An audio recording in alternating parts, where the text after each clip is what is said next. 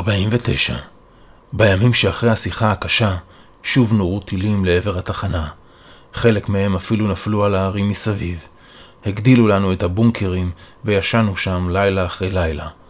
אנדריאה לא עזבה את הבונקר עם התינוקות כבר שבוע. בתוך המקלט המוגדל שלנו, הסטודנטית חנה מרגיעה ומשחקת עם הילדים. היא אפילו באה לבקר אותם אצלנו בקהילה והגניבה פה ושם מבט נבוך אל מוריס. אני ומוריס יושבים בקצה המרוחק ומסתודדים בשקט. מה אתה אומר עליה? מוריס שואל. טובה מדי בשבילך, אני מחייך. בדיוק. אומר לי מוריס. אני קקה, אחי. פרפר, חסר אחריות, והיא מותק כזאת, מסודרת ואוהבת. אוהבת ילדים, שמרנית. איך אני אסתדר עם שמרנית? אני לא יודע, מוריס, אבל אני חושב שהיא באה לפה לא רק בגלל הילדים. כאילו באה לראות אותי, אתה מתכוון. כן, אחי.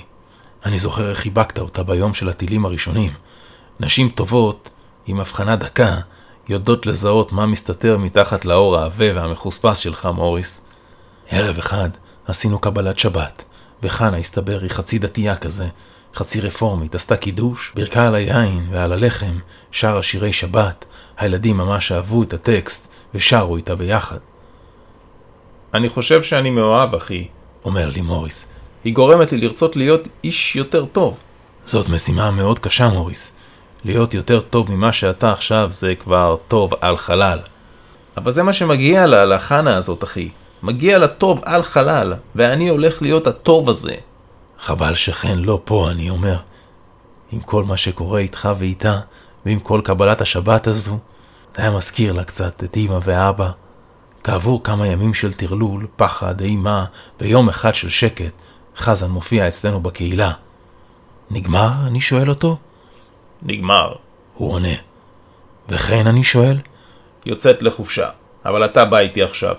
ואל תדאג, כשהיא תבוא, אני אשחרר אותך. אני מצטרף אל חזן. צה"ל חיסל את האוגדה של האסלאם הישן, הבריח וחיסל את הגדודים הקיצוניים.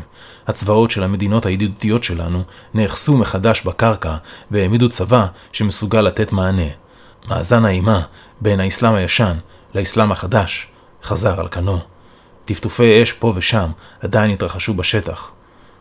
זה לא אמיתי, הסביר לי חזן. אנחנו העם זקוקים לזה קצת, כדי להתאחד. תיאוריית המיתוס של חזן עובדת. הרעש הצבאי בזמן חזרת האינטרנט יצרה ויכוח ברשתות החברתיות.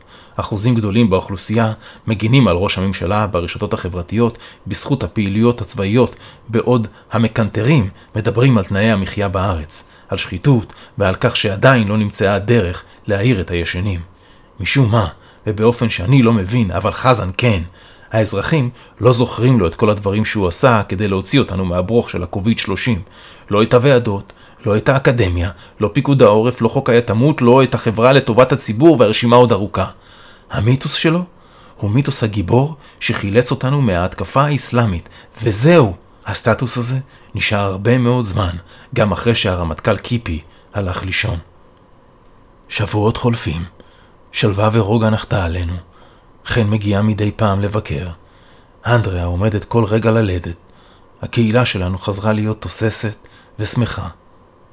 אני ממשיך במסעותיי עם חזן בדרכים, אבל המתח הרבה יותר נמוך, ונראה כאילו הכל בא על מקומו איכשהו, ומבלי שאני הייתי צריך לעשות משהו בשביל זה.